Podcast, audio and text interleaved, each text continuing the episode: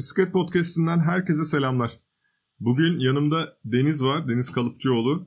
Kıbrıs'ın Bisiklet Podcast'i Sella Bisiklet Podcast'ten konumuz oldu. Ve onunla yeni açıklanan takvimi konuşacağız. Koronavirüs dolayısıyla ertelenmişti tüm takvim. Ve bakalım yarışlar yapılacak mı ve yapılacaksa ne zaman yapılacak onları konuşacağız. Merhaba Deniz, hoş geldin. Merhaba Süleyman, hoş bulduk. Nasılsın? Teşekkür ederim. Sen nasılsın? İyiyim ben de, sağ ol. Deniz, bayağı ilginç günlerden geçiyoruz. Kesinlikle öyle. Ee, ne düşünüyorsun Deniz? Sence yarış yapılacak mı bu yıl? Ee, şimdi çok e, heyecanlı bir şekilde bekledik açıkçası e, klasikleri. Özellikle biz Sella Podcast'ı başlatırken tam klasiklerin başlayacağı döneme denk getirmiştik. Ve yaptığımız ilk iki yayında sevgili arkadaşım Erhan'la beraber ne kadar fazla bahar klasiklerini beklediğimizi, ne kadar çok özlediğimizi, aslında en sevdiğimiz dönemlerden biri olduğundan falan bahsediyorduk. Bir ya da iki yarış olabildi klasiklerde sadece. Onları izledikten sonra da e, tamamen hepsi e, ardarda patır patır iptaller geldi. E, açıkçası o dönemki heyecanla beraber yaşanan bu katastrofik durum ve bizi de bıraktığı üzüntülü etkiler halen daha devam ediyor. Yani sürekli bir throwback Thursday tarzı Ah işte geçen sene bu zamanlar Giro izliyorduk. Ah geçen sene bu zamanlar Paris-Roubaix vardı. Sürekli bir geçtiğimiz seneye özlem duyuyoruz. Ya umarım çok yakın bir zamanda biter ama çok yakın bir zamanda bitmesiyle beraber etkileri o kadar çabuk bitecek mi? Ee, ondan emin değilim açıkçası. Evet ben de. Yani sporcuların olduğu kadar izleyicilerin de kafası çok karışık. Neler olacağını herkes oturup beklemiş durumda şu an. Bakalım göreceğiz. Evet tüm sporlarda öyle. Yani sadece bisiklet özelinde değil. Dünyanın en çok izlenen sporlarından biri olan özellikle Avrupa'nın en çok izlenen sporlarından biri olan futbolda da her ülke farklı e, kararlar alıyor. Ve sürekli o kararlar değişiyor, revize ediliyor. Tabii taraftarların e, ciddi bir spor izleme aşkı var. Hem futbolda hem basketbolda, bisiklette, bütün spor dallarında. Taraftarlar zaten bu ekonominin de bir parçası. Yani her ne kadar bisiklet sporunda yol kenarında izleyenler çoğunlukla bir bilet almadan bu sporu takip etse de yine bir, bir konsüm durumu var. Sürekli bir forma, işte bisiklet ürünleri vesaire gibi birçok ekonominin dalları var. Tabii taraftarlar da istiyor evet. sporun bir an önce başlamasını ama aynı zamanda o taraftarlar da endişeli. Sporu yapan insanlar da endişeli. E, sporu yapan insanlar belki yayının ilerleyen vakitlerinde konuşuruz ama sporu yapan insanlar hem sağlıklarından endişeli hem ekonomiden endişeli. Yani olay nereye varacak ondan endişeliler. Böyle bir sıkıntılı durum. İşte yani gördük Arap Emirlikleri turunda e, herkesi karantinaya aldılar. Fernando Gaviria hasta oldu. Yani onlar da hasta olabiliyor yani. Çok çok kötü. Kesinlikle. Bakalım acaba gerçekten yollarda seyirci olacak mı yoksa ona bir düzenleme mi getirecekler? Çünkü ben de merak ediyorum. E, Julian Alaphilippe bir açıklama yapmıştı bu daha takvim ortaya çıkmadan önce. Dedi ki yani seyircisiz bir yokuşa çıkmayı düşünemiyorum dedi. Nasıl olacak bilmiyorum. Alaphilippe geçtiğimiz sene Tour de France'da sarı mayoyu koruyabildiği zamana karşı etabında verilen seyirci desteği e, o sarı mayoyu tutabilmesinin en büyük sebebiydi bence. Yani başka türlü o seyirciler orada olmasaydı, son kilometrelerde olmasaydı o sarı mayoyu o gün kaybetmesine kesin gözüyle bakılıyordu. Evet kesinlikle yani adam birinci oldu ya. Yani bir zamana karşı etabı kazandı Julian Alaphilippe. Kesinlikle ya. Hiç beklemiyorduk. Çok ilginç. Şimdi dilersen biraz programa bakalım. Hı hı. Yavaştan şöyle ne zaman olacak diye bir konuşalım. Hı hı. Şimdi UCI bildiğin gibi açıklama yaptı. Geçen hafta dedi ki bir takvim oluşturduk. Ve bu takvimde Ağustos'un e, başı itibariyle başlıyor dedi. Ve takvim Strada Bianca ile başlıyor 1 Ağustos'ta. Evet. Sonrasında Polonya turunu görüyorum ve Kriterium'da Dauphine yapılıyor ama o arada da Milano Sanremo var. Ve bunlar da yaklaşık yani bir hafta sonra Milano Sanremo oluyor Strada Bianca'dan.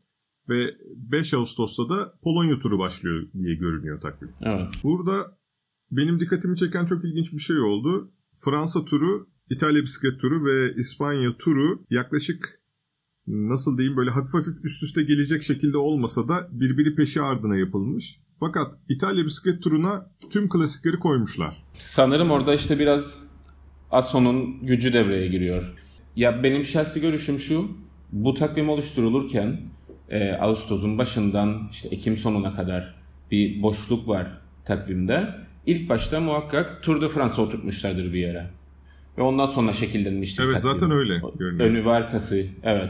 E, çünkü biliyorsun Tour de France bu büyük turlar arasında en son erteleme kararını alan e, büyük turdu. Burada tabii ASO'nun çok güçlü oluşu, e, UCI'ye bile direktif verebilecek kadar, e, UCI'yi bile belli konularda tehdit edebilecek kadar güçlü bir organizasyon olduğunu biliyoruz. Çünkü sen, ben veya bir başkası e, biz Ciro'yu ne kadar seversek se- sevelim, Ciro'yu ne kadar öne koyarsak koyalım, e, ister istemez bütün dünyanın bildiği bisiklet yarışı Tour de France'dır. Yani Amerika'sı, e, Avustralya'sı kıtalar arası bir takip olduğu için Tour de France'ın e, böyle bir gücü var. Ve o nedenle Tour de France'ı e, başa oturttular. Hatta hatırlarsın bu büyük turların yapılıp yapılamayacağı konuşulurken bile Giro'nun e, ve Vuelta'nın etap sayısını düşürme e, durumu konuşuluyordu. Fakat Tour de France'da hiç böyle bir şey olmadı. Yani Aso dedi ki e, biz kesinlikle böyle bir şeye girmeyiz ve herhangi bir etap kısaltmayı yapmayız dedi. Zaten e, takvime baktığımız zaman da bunu direkt görüyoruz. Yani önünde açık bakan insanlar olacaktır. Hani her şey ortada yani. Her şey Tour de France'a göre planlanmış. Çok belli. Şimdi bir tane kural var. Bilirsin belki Deniz. Mesela diyelim ki bir tura başladınız ve turu e, yarıda bıraktınız ya da turdan çekildiniz. O tur bitene kadar yeni bir tura başlayamıyorsunuz. Evet. Herhalde bu yıl bu kuralı uygulamayacaklar gibi geliyor bana. Büyük bir ihtimalle yani hatırlıyorsun şimdi bu takvim daha doğrusu bu koronavirüs salgını herhangi bir şekilde bu ülkelere uğramasaydı ve farz edelim ki bu takvimler olduğu gibi yapılsaydı yani Ciro'nun 9-31 Mayıs'ta e, Tour de France'ın 27 Haziran 18 Temmuz arasında ve Vuelta'nın da 14 Ağustos 6 Eylül arasında yapıldığını düşünelim şu anda. Covid'siz bir dünya. Covid'siz bir 2020. E, bu noktada bizim bu seneye özel bir 2020 olimpiyatları gerçeğimiz vardı bisiklet takviminin içinde. Ve 2020 bis- şey, olimpiyatlarında bisiklet yarışları 25 Temmuz 29 Temmuz arası yapılacaktı. Yani e, 25'inde erkekler yarışı, erkekler yol yarışı, 26'sında kadınlar yol yarışı ve 29'unda da zamana karşı yarışı gibi bir program vardı olimpiyatlarda. Bu da ne demek oluyor? 27 Haziran 18 Temmuz arası yapılan Tour de France'ın bir hafta sonrasında olimpiyatlardaki yol yarışı yapılacak demek oluyor. Biri Fransa'da, diğeri Tokyo'da. Yani arada da çok ciddi bir mesafe var. Çok ciddi bir jet lag durumu var. Sürücülerin oraya gidip önceden bir o oradaki hava koşullarına alışması lazım. Oradaki yerel saate alışması lazım.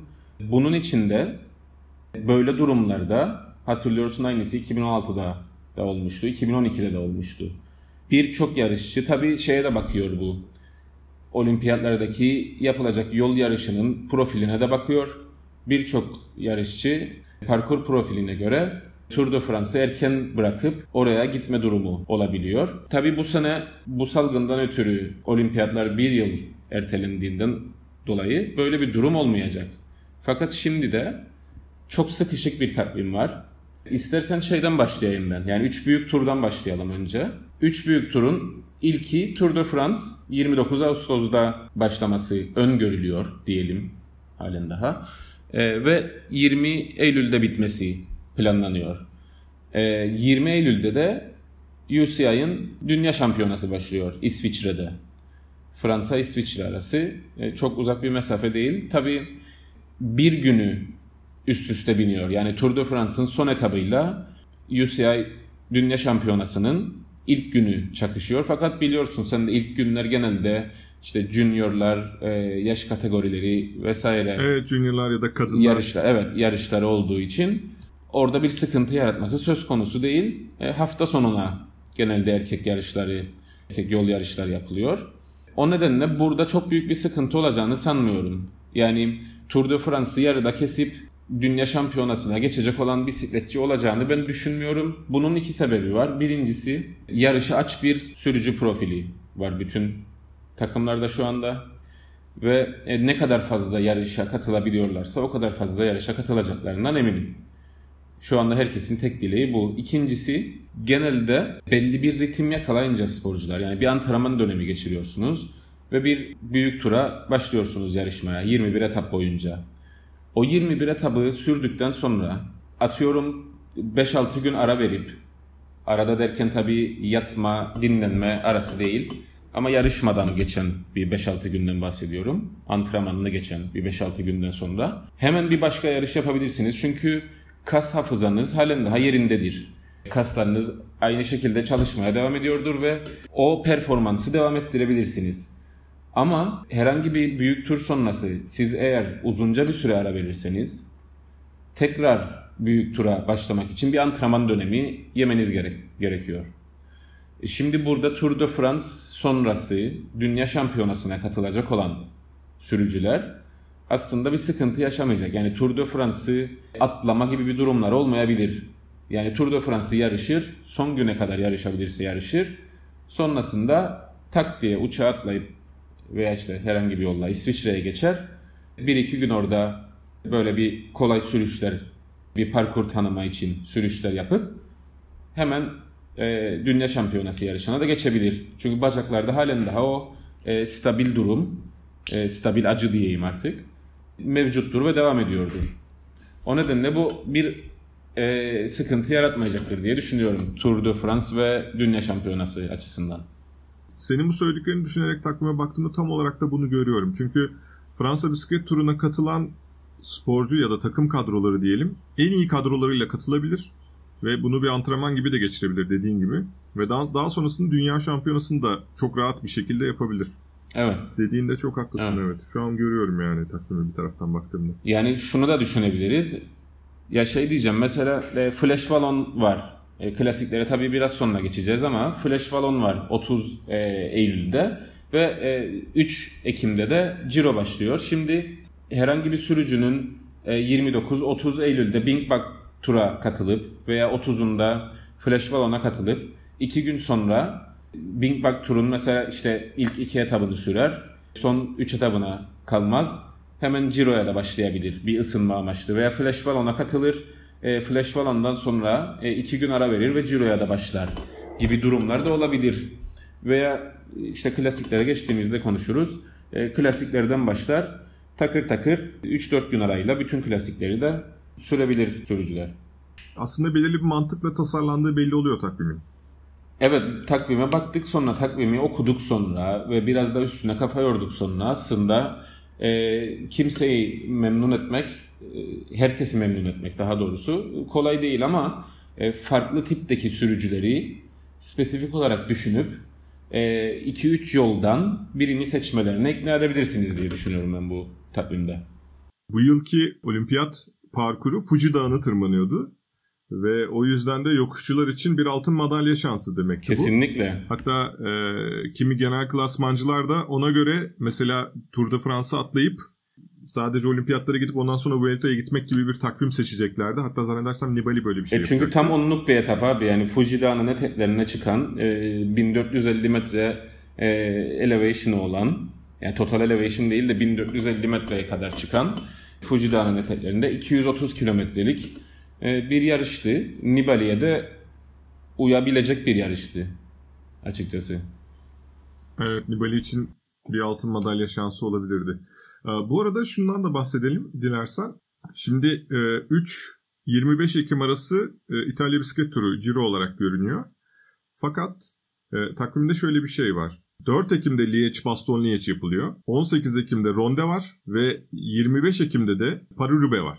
Hatta 25 Ekim öyle bir tarih ki hem Vuelta'da etap var, hem Ciro'da etap var, hem de Paris-Roubaix var. Aynı Abi o pazar işte bizim bittiğimiz gündür televizyon başında. Altın, Altın pazar. pazar. evet. Aynen öyle. evet sabahtan akşama kadar. Çok ilginç mesela. Biz o zaman burada şöyle bir şey ortaya çıkıyor. Ciro'da hiçbir klasikçiyi göremeyeceğiz gibi bir durum ortaya çıkıyor. Evet yani ben ona şöyle bir şey söyleyebilirim dediğimiz az önce dediğim gibi birçok sürücü yarışa aç bir şekilde bu bütün yarışlara saldıracaklardır ama bu sene özellikle Ciro özelinde biz takımlar kurulurken bu adamı da koyalım e, işte genel klasmanında geriye düşerse takım liderimiz bu adam bizim için etap kovalar, etap galibiyeti alır gibi sürücüleri çok fazla göremeyeceğiz. Çünkü genel olarak yani çok genel bir kavram değildir ama etap sürücüleri klasikcilere daha uygun oluyor. Yani klasik performansı iyi olan sürücüler aslında Giro gibi yarışlarda etap kovalayan sürücüleri de olabiliyor. E, fakat işte bu noktada sanırım e, ikiye ayrılacaklar. Yani ya Giro, Giro'da pembe mayo hedefi olan bir takım lideri ve bu takım liderin destekleyici e, yan parçalar e, veya işte Cyclamen mayo içi kovalayacak olan sprinterler Giro'yu oluşturacakken e, klasikçi özelinde e, veya işte kaçış uzmanı olarak bilinen ve klasiklerde de iyi performans sergileyen sürücüler de Ekim'in o döneminde tamamen e, ardarda arda bu klasiklere gelecekler diye düşünüyorum. Evet evet ben de öyle düşünüyorum. Hatta şöyle bir şey olma olasılığı da çok yüksek. Büyük ihtimal sprinter mayolarında e, yokuşçuları görebiliriz bu arada kazanırken. Yıllar yıllar sonra böyle bir şey çıkabilir tekrar ortaya. Vuelta'yı da biraz konuşalım istersen. O da 20 Ekim 8 Kasım arasında başlıyor. Aslında İspanya toprakları için güzel de bir zaman yani. Sonbaharda orası hala sıcak oluyor nasılsa. Genelde Ağustos'ta yapılıyordu ve Ağustos sonu Eylül başı gibiydi ee, ve bayağı sıcak oluyordu yani. Biraz bisikletçiler için iyi olacağını düşünüyorum bu tarih. E, açıkçası öyle. E, çünkü biliyorsun yıllar yıllar önce Vuelta aslında e, Giro öncesi yapılan bir büyük turdu. Yani şey, e, Nisan aylarında yapılan bir turdu Vuelta. Daha sonrasında Ağustos'a atıldı. Yani ben Vuelta'nın özellikle ilk etaplarını izlerken daha çok böyle denize yakın rakımlarda yapılan etapları izlerken Kıbrıs'a da çok benzetiyorum. Çünkü aynı dönemde bizim de buraları sapsarı ve aynı sarılık İspanya'nın o bölgelerinde de var. Yani kurumuş otlarla beraber ve o sıcağı hissedebiliyorum ben aslında yarışı etapları izlerken. O nedenle Ekim sonlarını aktarmak e, biraz daha çekici hale getirecektir Vuelta'yı. Fakat burada Vuelta'nın biraz daha üvey evlat muamelesi gördüğünü de görebiliyoruz. Yani Giro'nun sonuyla çakışan bir Vuelta başlangıcı yaptılar. Normal takvimde herhangi bir e, kaydırma yapılmayan takvimde genelde sürücüler ya Giro artı Vuelta seçerler ya da Tour de France seçerler. Vuelta'da aslına bakarsanız ben benim her zaman görüşüm odur. Kaybedenler kulübü olarak adlandırırım ben Vuelta'yı çünkü Evet son son şans. Evet son şans. E, Ciro'ya girip genel klasmanda istediğini alamayanlar, tura girip istediğini alamayanlar genelde Vuelta'yı tercih eder. Bir de bu yıl mesela takım kadroları da çok ilginç olabilir. Çünkü şu an e, takımlarda 20 ve üzeri bisikletçi var zannedersem ve oluşturulan kadroları 2'ye 3'e bölmek zorunda kalacaklar. Çünkü aynı zamanda e, farklı bölgelerde 2-3 yarış var takvimde gördüğüm. E, biraz domestik açısından da farklı bir yorgunluk olacaktır diye düşünüyorum. Kesinlikle stajyerlere de bol bol görev düşecek. Kendini parlatmak isteyenlere de bol bol iş düşecek. Yani e, en basitinden Tour de France'la beraber Tirreno Adriatico var üst üste gelen. Evet. E, Tirreno Adriatico da aslında son dönemlerde izleyicisi artan sevdiğimiz bir yarış yine İtalya'da. Yani o nedenle oraya da çok zayıf kadrolarla gideceklerini düşünmüyorum ben takımların. Evet ve aynı dönemde de okyanusun diğer tarafında Quebec'le Montreal klasik yarışları var. Evet. Yani nasıl kadro gönderecekler, o insanlar nasıl gelecek çok büyük soru. Kesinlikle. Şimdi dilersen klasiklere geçelim biraz onlardan konuşalım. Hı hı. Klasikler aslında şöyle başlıyor. Takvimde ilk gördüğümüz yani 5 büyük klasikten bahsedelim. Ağustos'un 8'inde Milano Sanremo görünüyor. Fakat yeni bir haber var onunla ilgili de. E, Milano Sanremo'nun ve Il Lombardia'nın ertelenmesini talep ettiği İtalya hükümeti ve onlar için yeni bir tarih açıklanacak büyük ihtimal. Yani takvimde göründüğü zamanların olmayabilir. Evet tabi Milano özelinde yani daha doğrusu İtalya özelinde sıkıntı diğer ülkelere oranla daha büyük. Yani işte bir Almanya'nın, bir Belçika'nın yaşadığı sıkıntıların kat be kat üstünü yaşadı İtalya. Halen daha da yaşamaya devam ediyor ve hayat bırakın normale dönmeyi şu anda insanlar yavaş yavaş kafalarını çıkarabilmeye başladılar İtalya'da evlerinden. O nedenle e, Il Lombardia konusunda çok emin değilim ama 8 Ağustos'daki Milano San Remo e, halen daha insanlar için erken görülebilir. Yani bunu anlayabilirim. Ha, işte Strada Bianca var Ağustos'un başında. E, Milan o kadar sıkıntılı bir bölgede değil o. Evet daha güneyde. Evet daha biraz daha güneyde. Fakat yani onu ertelemeyip Milan San Remo'yu ertelemekte takımların e, yüksek ihtimalle lojistik açısından da sıkıntı yaşamasına sebebiyet verecektir. Yani bugün Strada Biancha'ya katılan sürücülerin belki de tamamen aynı kadrolar bir hafta sonra Milano Sanremo'ya da katılacaktı. Doğru, doğru. Ve yani oraya giden takım bir haftayı orada geçirip daha sonra Milano'ya geçip orada da yarışmayı düşünüyordu. Ve büyük bir ihtimalle UCI de zaten bu takvimi o şekilde, o olacak şekilde koymuştu oraya. Ki aynısını görüyoruz yani Flash Wallon ve Liège Baston Liège'de de e, aynı mantık var. Yani hatta oradan başlayarak devam eden Belçika'daki turlar var. Belçika'ya giden Belçika'da kalıyor ve e, orada bütün klasikleri yarışıp geri geliyordu. Yani umarım ertelenmez ama tabii ertelenirse de için ertelendi diyeceğimiz bir pozisyona da değiliz açıkçası. E tabii yani çok çok büyük zorluklar yaşandı sonuçta da. Özellikle o Lombardiya bölgesinde ve kuzeyde İtalya'da en büyük ölümlerin gerçekleştiği yer orası. Koronavirüs orada çok etkili. Şimdi Ekim ayında da şöyle bir takvim var. 4 Ekim'de Liège-Bastogne-Liège görünüyor. 18'de Ronde var. 25 Ekim'de Paris-Roubaix var ve 31'de de Lombardiya var. Evet, monumentlerden bahsettiğimizde Evet, monumentlerden bahsettiğimizde bunlar var. Hatta arada da mesela Depan yarışı var.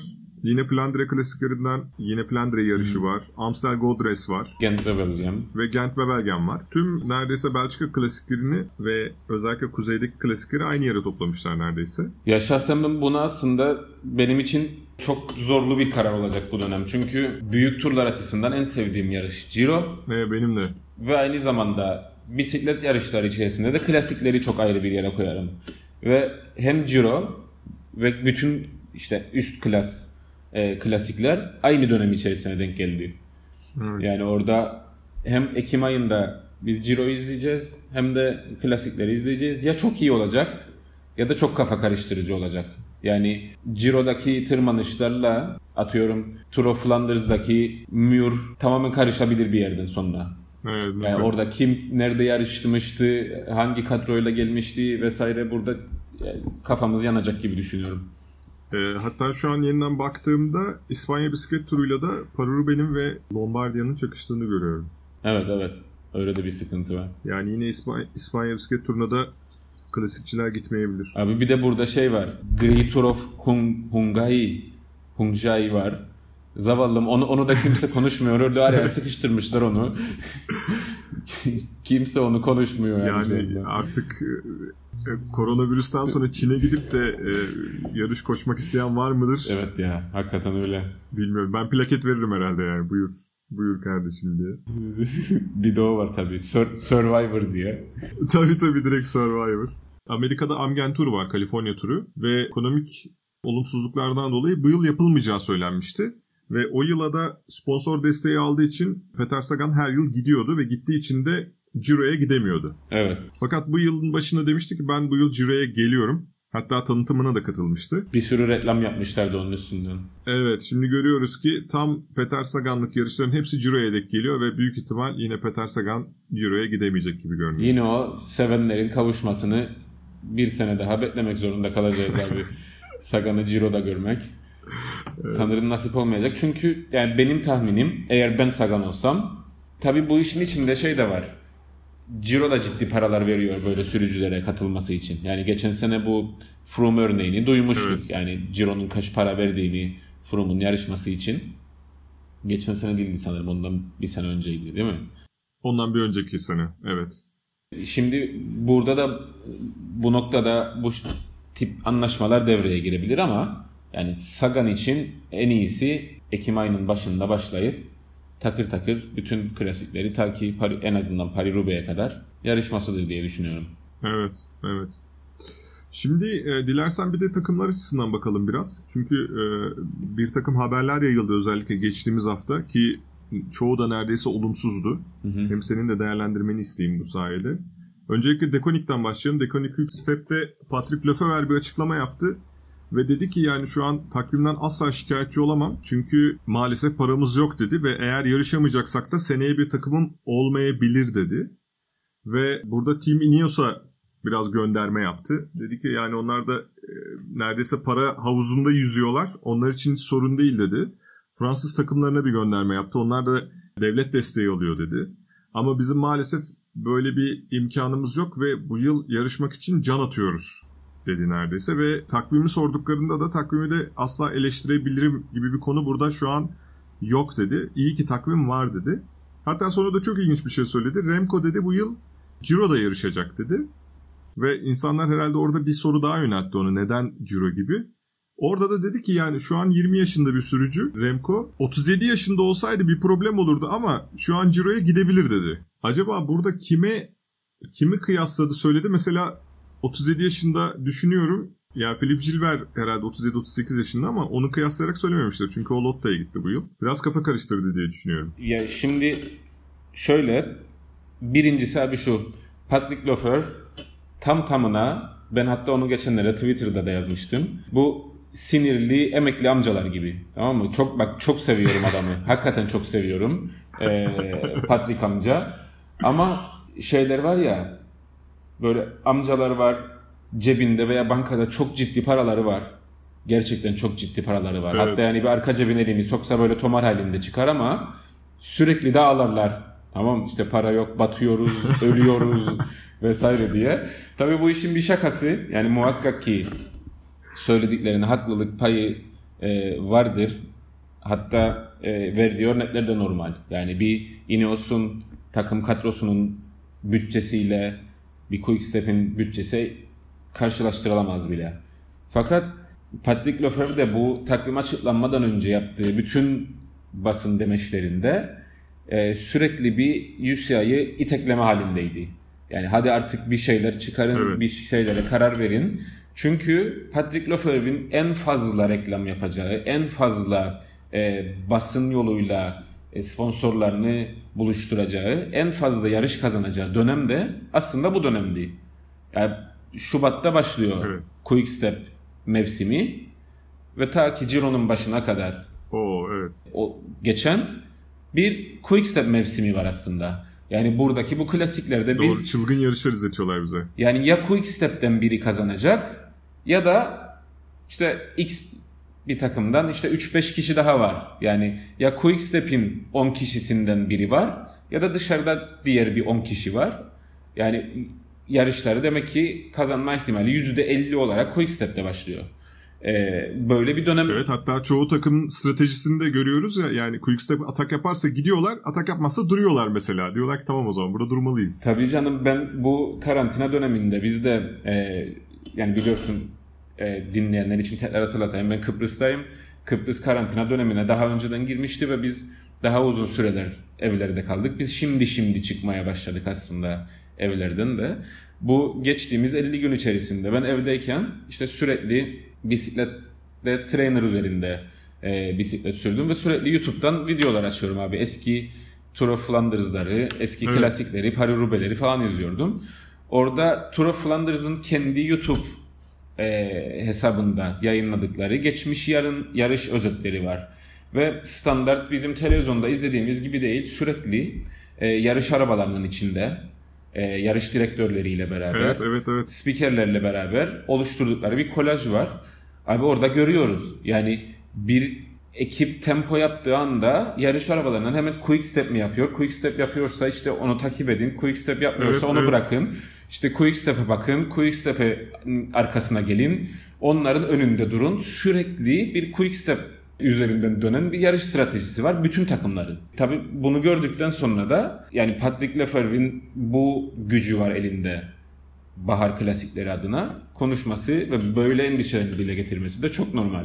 Yani ben tabii bir taraftan gülüyorum e, yaşlı tonton amcalar gibi e, sürekli herkese e, laf atıyor, sinirleniyor ama işin realitesi de bu abi. Yani bir futbol takımı gibi e, ekonomisini döndürebilen e, bütçeleri yok bisiklet takımlarının. Yani bakma sen şimdi evet, Ineos, Ineos'un çok büyük bütçeleri var.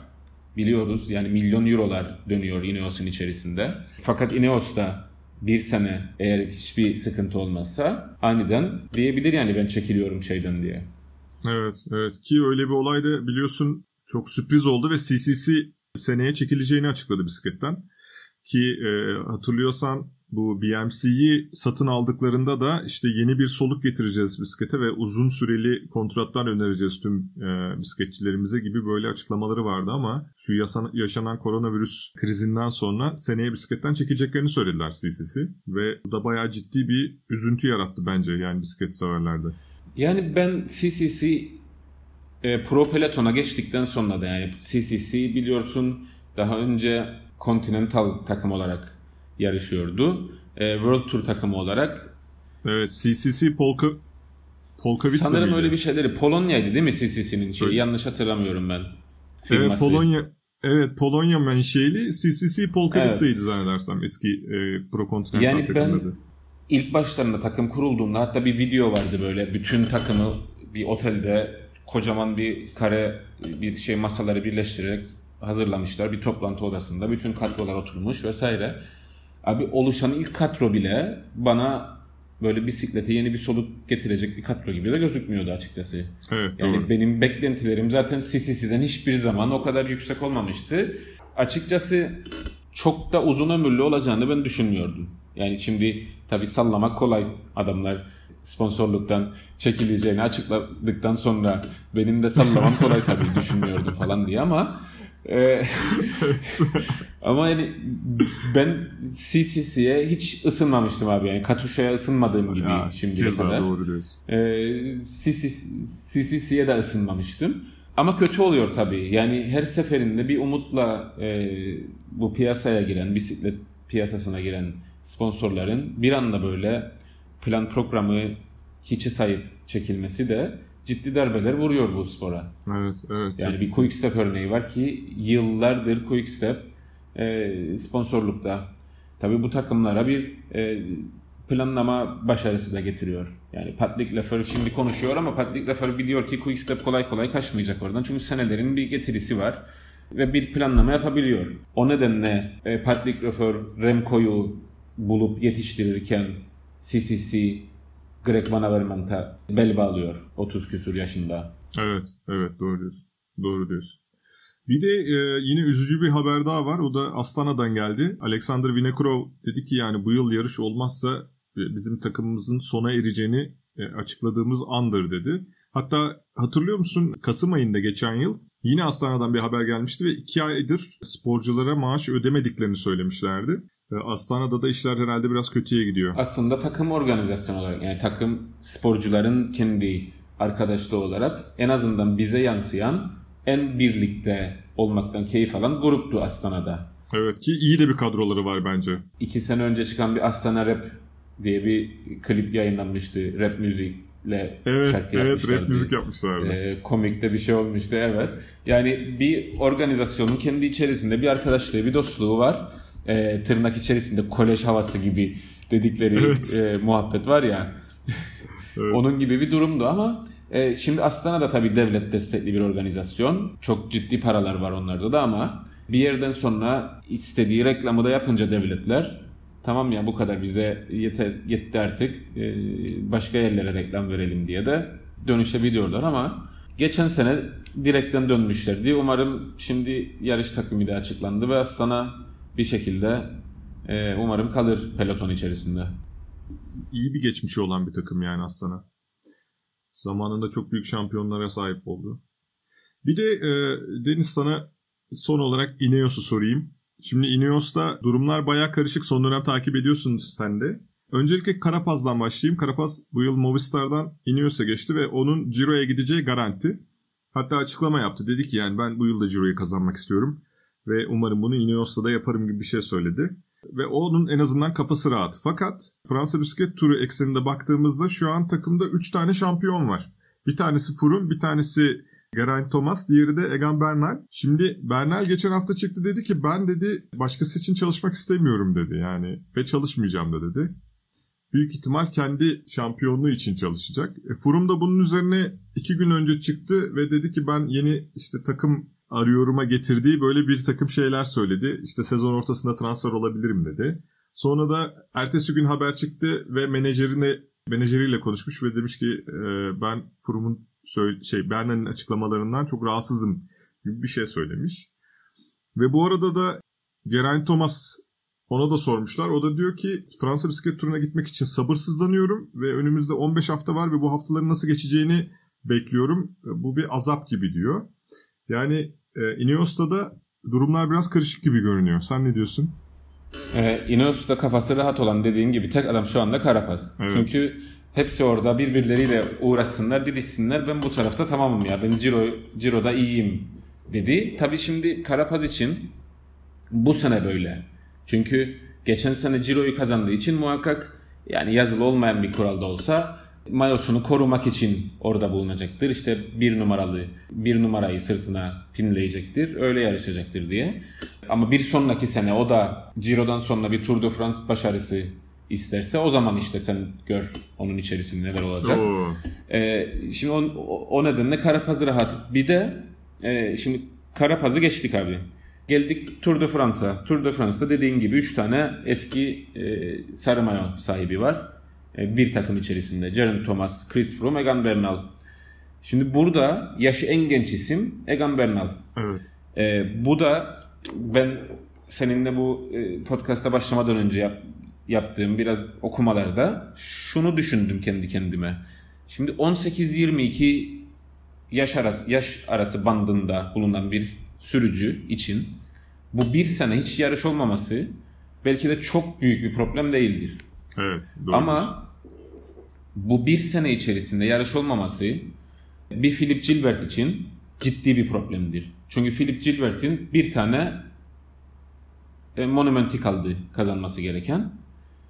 Milano Sanremo. E, tek hedefi o, tek odaklandığı nokta o.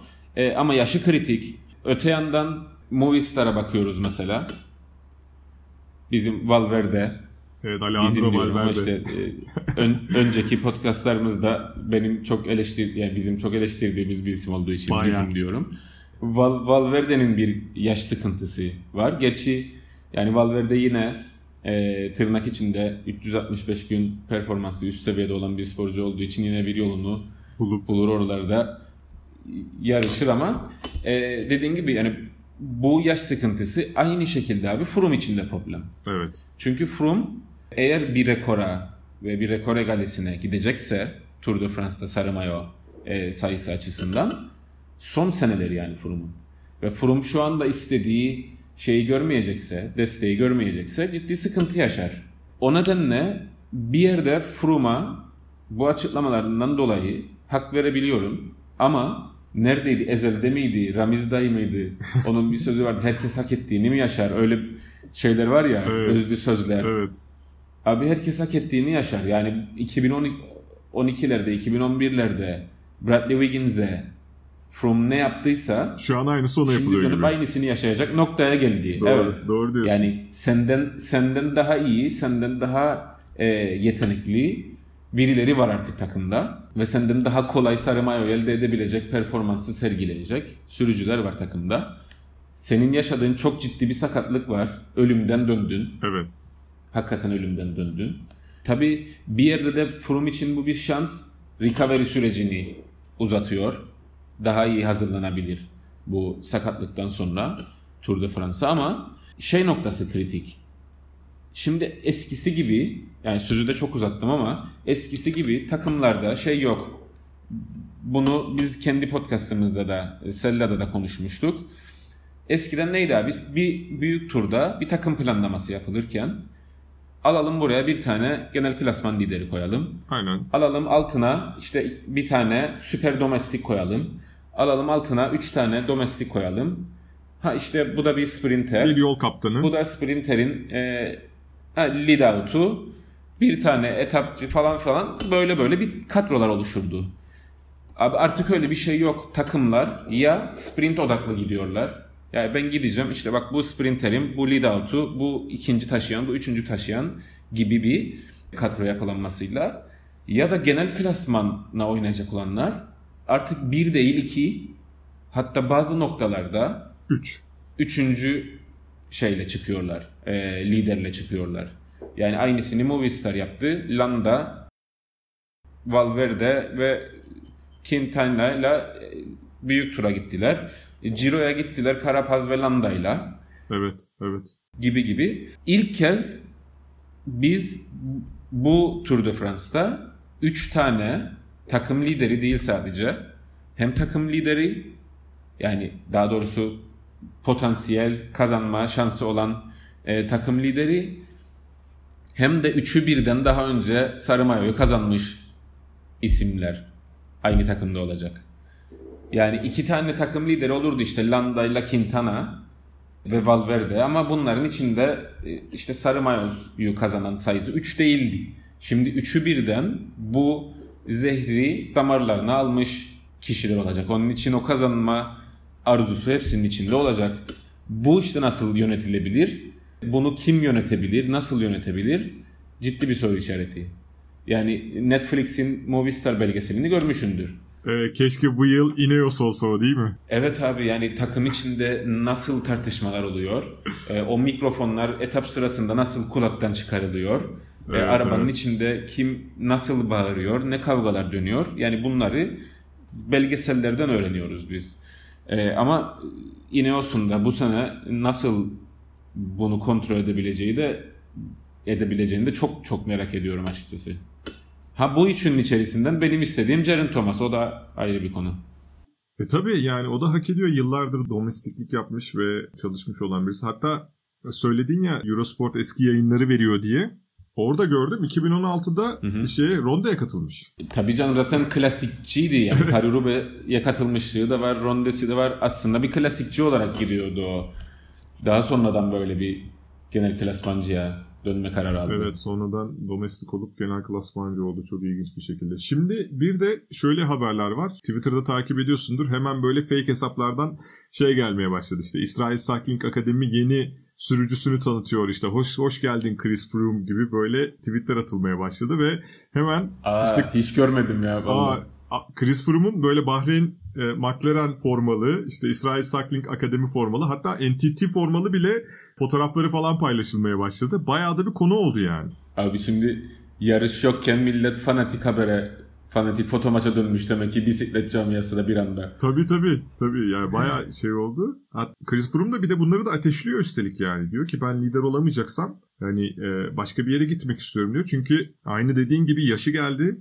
Ve üstelik son sakatlığından sonra da hazırlanması için yine önüne birkaç daha gün koyuldu. Diyor ki 5. şampiyonluğum için kendimi hiç bu kadar iyi hissetmemiştim diyor kendisi de. Yani çok hırslı. Bakalım neler göreceğiz. Çok merak ediyorum ben de. İstersen bitirelim yavaştan. Çok teşekkür ederim bu arada. Benimle bu konuyu ve bu anı paylaştığın için. Gerçekten çok iyi oldu. Ben teşekkür ederim. Hakikaten ben de çok keyif aldım. Evet tekrar daha da farklı konularla yeni yeni toplanacağız. Ee, bunu da söyleyelim. Ne zaman sana. istersen. Ne evet. zaman istersen. Bize de bekleriz. Öyle derler ya misafirlere giderken. Bize de bekleriz. ya, evet. evet evet işte ortak ortak programlar yapalım yani. Sonuçta ne kadar çok insana ulaşırsak o kadar iyi.